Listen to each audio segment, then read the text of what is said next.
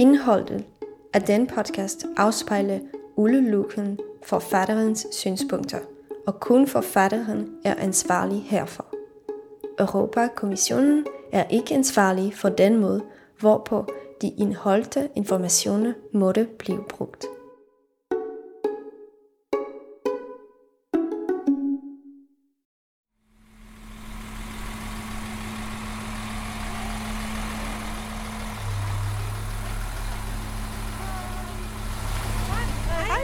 Vi møder Anne på Alkens togstation i Nordjylland.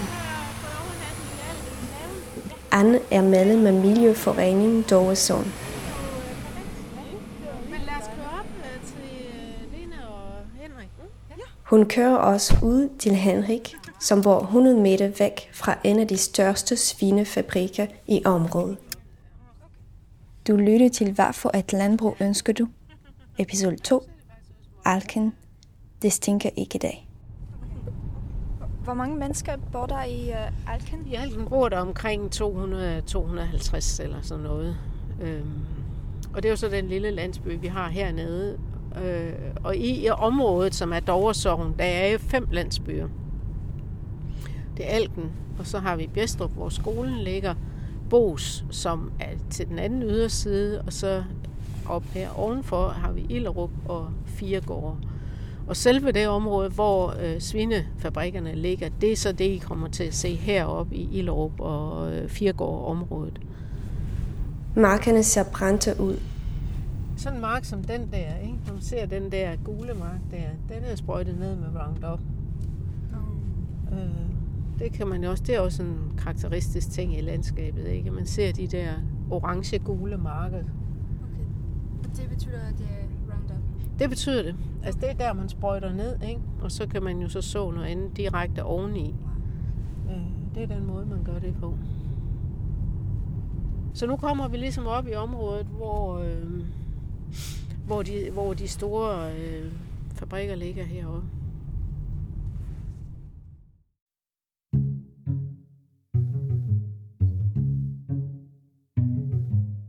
Hvert eneste år producerer Danmark mere end 30 millioner svin. Det er en enorm mængde svin, når man tænker på, at der bor lidt under 6 millioner mennesker i Danmark, og når man tænker på, at disse 30 millioner svin slagtes hvert år og erstattes af 30 millioner nye grislinger. Hver eneste dag transporteres 40.000 levende gris til Polen, Tyskland, Rusland og Italien. Det er havdelen af de svin, som bliver produceret hvert år. Den anden havdel bliver slagtet i Danmark, og 90% af kødet bliver eksporteret. For at fodre de svin benyttes 80% af landbrugsarealet i Danmark til at gro dyrfoder. Det er meget i et land, som bruger over halvdelen af sit areal til landbrug. Dette betyder altså, at hvis du for eksempel kigger på Danmarks ind på Google Maps og kigger på en tilfældig mark, så vil det 8 ud af 10 gange være en mark, hvor der dyrkes fodre til gris eller andre husdyr. Men dette er slet ikke fodre nok. Danmark vælger at importere sojabønner, dyrket i Sydamerika, for at fodre svinerne. Markområdet på størrelse med det kombinerede areal af Sjælland, Falster og Bornholm er afsat til at gro dyrfoder til de 30 millioner danske svin. Skov bliver fadet og oprindelige samfund fordrevet i land som Brasilien og Paraguay for at give plads til disse enorme sojaplantager. Hvad er der i de der kæmpe store Det er foder. Det er foder. De har det her. Hvorfor er de så store? Nogle gange er de meget øh, ikke så høje. Eller? Nej, men det er jo simpelthen øh, for at have foder nok til alle deres øh, svin. Jeg tror det er her. Nu skal vi lige se, om ikke det er nummer 7. Yep, det er det. Og der kan man ligesom se, altså, øh, vi skal ind i det her grå her. Og så kan man ligesom se, hvor tæt det ligger på. Er det 100 meter? Ja, det er ikke meget mere 100-200 meter over til. Det. Sådan så det jo ikke ud. Nej, det vil jeg ikke tro, Nej. det gør i dag. Øh, det, vil, det vil være sjældent, at de... Øh, jeg tror ikke, man kan lugte stallene. Nej. Men øh, når de rører i gylden, så skal jeg love for, at man kan lugte det. Så igen, altså alt det her med lugt og støj og alt det der, ikke? det er jo også årstidsbestemt, men det er jo også om sommeren, man gerne vil være ude. Mm. Og det må man jo bare tit sige, det kan man jo glemme alt om.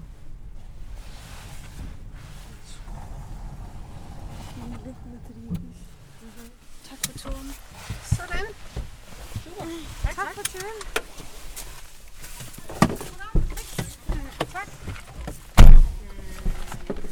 Vi mødte Henrik, hans kone og deres naboer, og besluttede os til at gå en tur omkring svinefabrikken. Det er, det er den der op.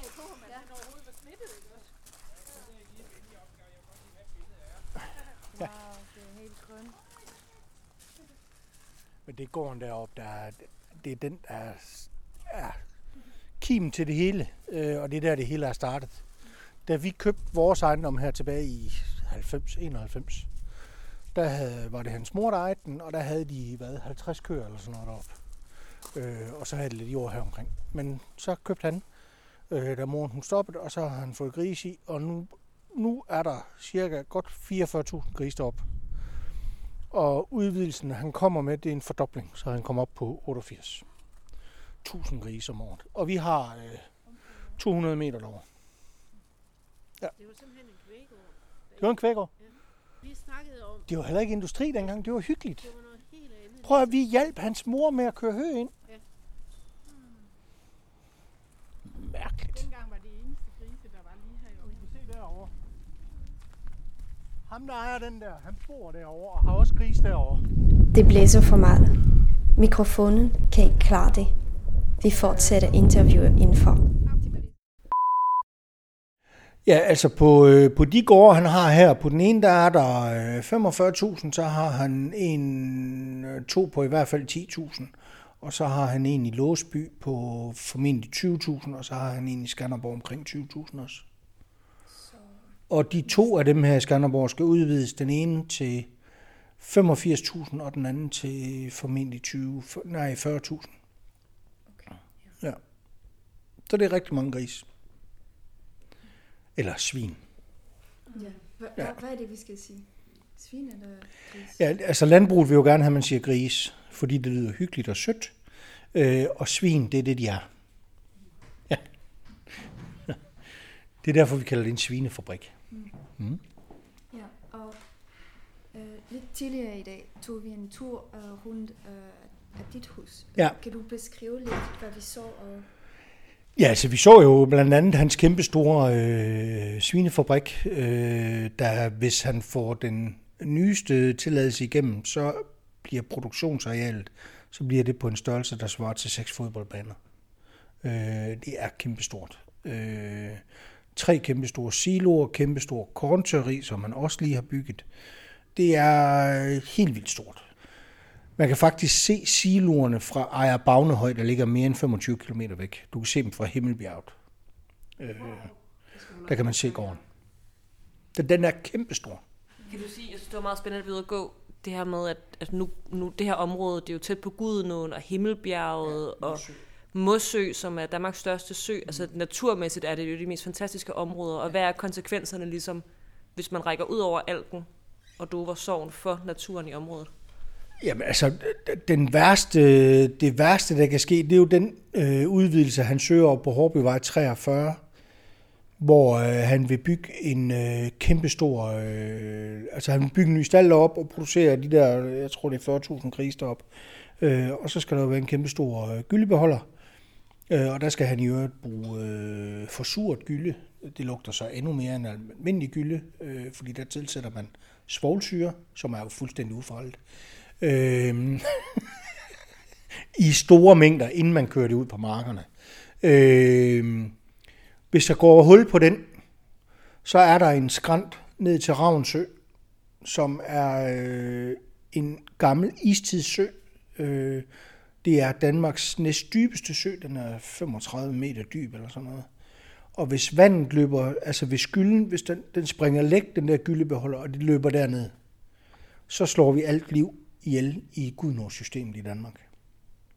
Og det vil sige helt op til Randers og Bjergenbro. Og, altså alt bliver slået ihjel, øh, for det kan ikke tåle det. Men det er man ligeglad med. Det betyder ikke noget. Ja, de vil bygge en vold af jord. Jeg kan fortælle, at i dag har der lige været et, øh, et gyldudslip øh, fra en øh, gyldebeholder øh, i Skanderborg Kommune, øh, nede noget, der hedder Ustrup, øh, som ligger meget tæt på Horsens Kommune. Øh, der er en, øh, et kæmpe stor gyldeudslip fra en gyldebeholder dernede der.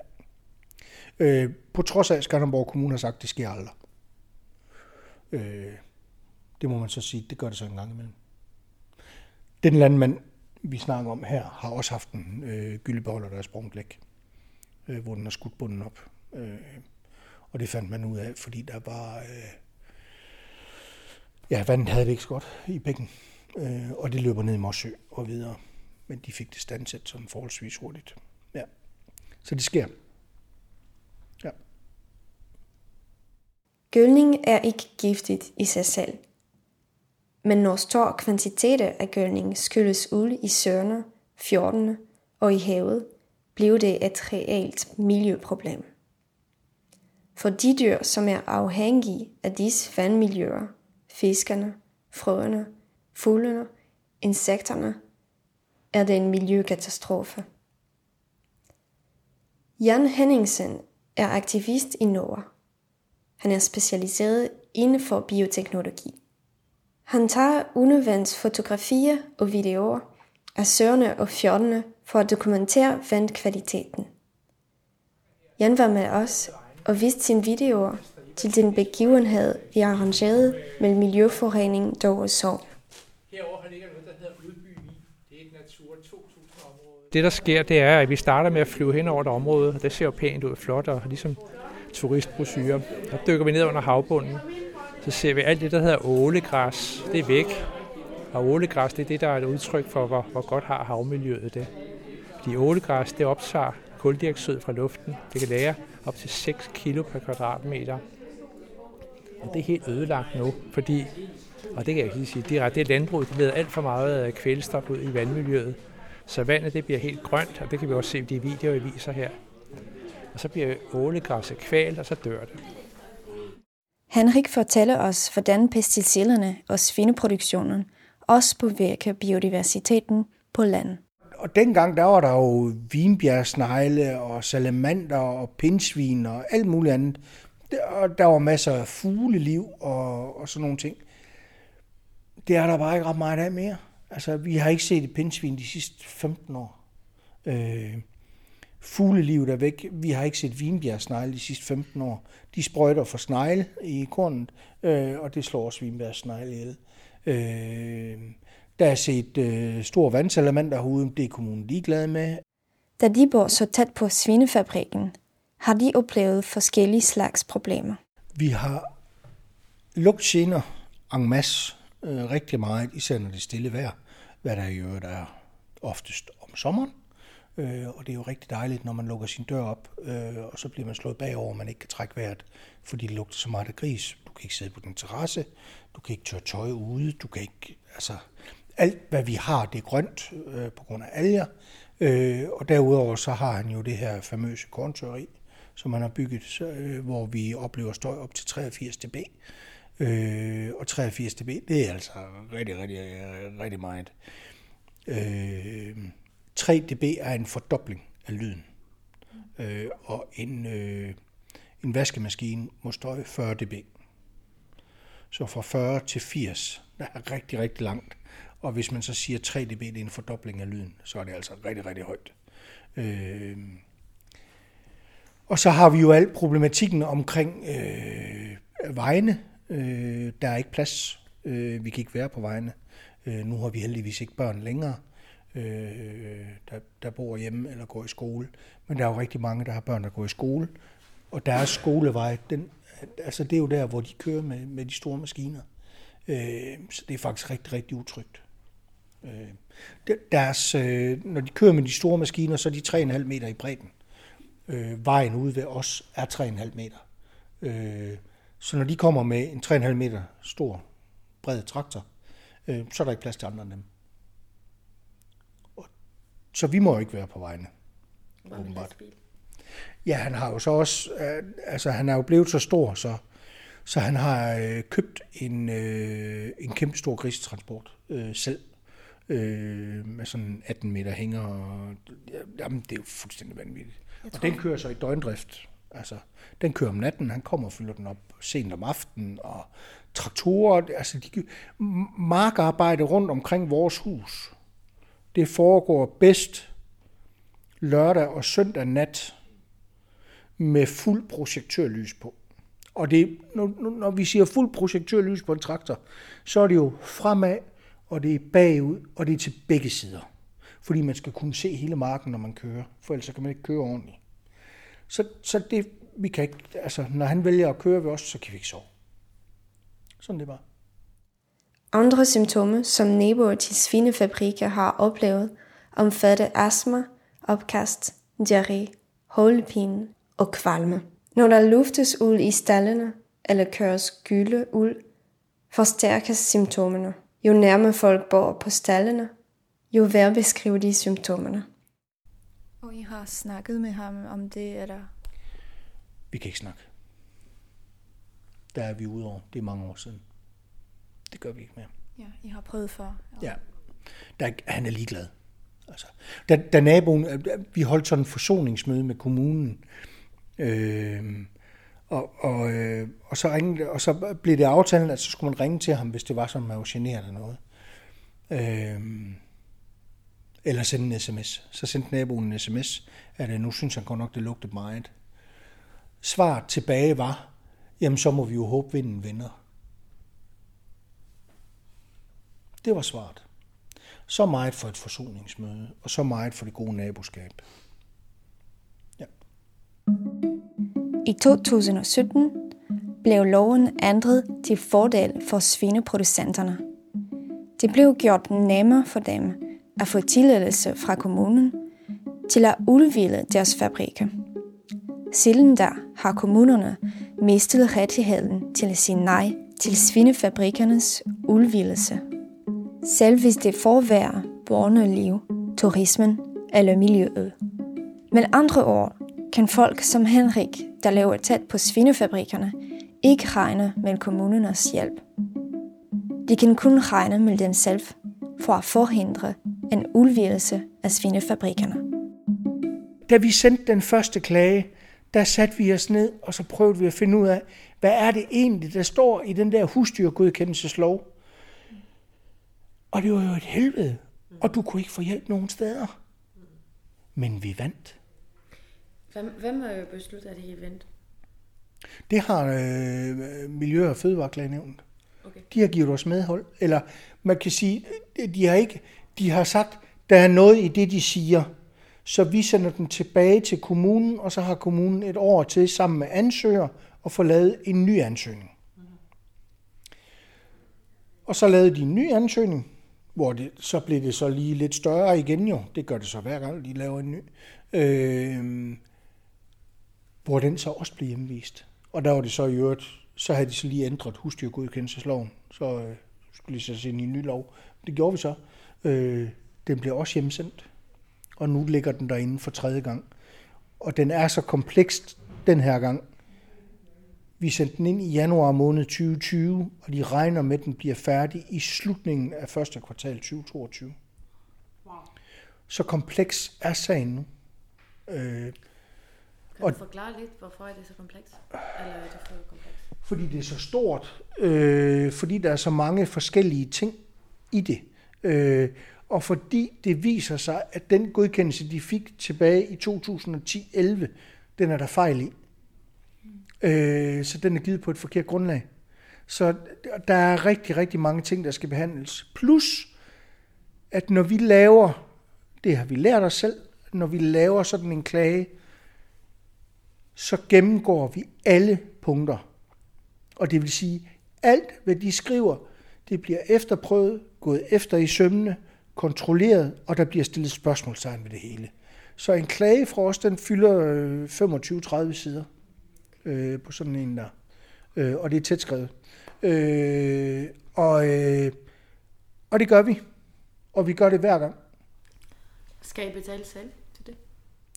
Ja, det er noget, vi sidder og laver i vores fritid. Ja, der er ikke nogen hjælp at hente nogen steder. Nå, men man som privatperson skal bruge sit liv på det. Prøv at det her, det, det, er jo det, det er ikke for almindelige hvide mennesker, men, men øh, vi er fire, der sidder og laver det sammen, øh, og, og vi er heldigvis stærke øh, til at læse jura øh, og forstå, og vi har nogle, nu har vi gjort det så mange gange, så nu er vi faktisk, altså, vi kan lave sådan en klage, den kan vi lave på, sådan en klage, den kan vi lave på en 3-4 weekender. Men det går der også. Invaderende, ikke? Altså, Hvad siger du? det er jo invaderende i ens liv. Jamen, det, er- det, det er det, det er det. Plus, Til at fylde alt. Jamen, det gør det. Og, og vi snakker jo aldrig om andet. Altså, det, det, det er det eneste, vi snakker om. Ej. Nu er vi så langt henne, så nu snakker vi også om andre ting, ikke? Men, men øh, ja, men det er forfærdeligt. Det er det. Er der nogen måde, hvor de ansøgningerne kan blive afvist øhm, for altid? Eller kan de bare blive ved med at søge igen og igen og igen? Det er jo det, der er sjovt. Så længe de hjemviser den, så skal kommunen behandle den igen, og så kan den genoptages. Hvis de siger ja, ja, så siger de jo så ja, så, er vi, så vil vi skulle gå i retten med det. Og der kan man så starte i det danske retssystem, og, og bagefter så kan man gå til EU-retten. Og det kommer vi også til, hvis vi taber. Men tror vi ikke, vi gør. vi er gode til at vinde. Alken er et godt eksempel på, hvad den fælles landbrugspolitik finansierer i Danmark, og hvordan det påvirker folks liv samt miljøet. Dog er det bare et ud af mange eksempler. I deres arbejde med det projekt har Emeline, Ingvild og Sara mødt mennesker, som er påvirket af den intensive svineproduktion i hele landet. I hvert eneste kommune, de besøgt, indsamlede de lignende historier. De samme helbredsproblemer, de samme skade på miljøet, og den samme ligegyldighed og handlingslammelse hos kommunerne. Det var den anden episode af Hvad for et landbrug ønsker du? I den næste episode vil vi tale med Nana Clifford, som er en inspiration for mange af os i Nord. I think it's very inspiring to uh, talk with Nana. Yeah. Um, uh, she's my hero. Yeah. Sammen vil vi tale om, hvilke andre slags landsbrug man kunne vælge at støtte gennem den fælles landbrugspolitik. Nana er regenerativ jordbruger og aktivist. Hun modtager ikke landbrugsstøtte, men sammen med Tani og nogle frivillige sætter de mad på bordet hos 100 familier om året. Den her podcast er en del af Noahs podcast Jorden i hovedet. Den blev skabt af Emeline Warner, Ingvild Haukeland og Sara Strunke Albertsen. Podcasten er produceret af mig, Chloe Trio fra Slowbee Studio, med støtte fra Europa Nævnet, Grace Fund og finansieret af den Europæiske Unions INCAP Program. Tak til Anne, Henrik og Peter og Tina. Tak til Henrik kone for chokoladekærerne. Og tak til Sarens familie.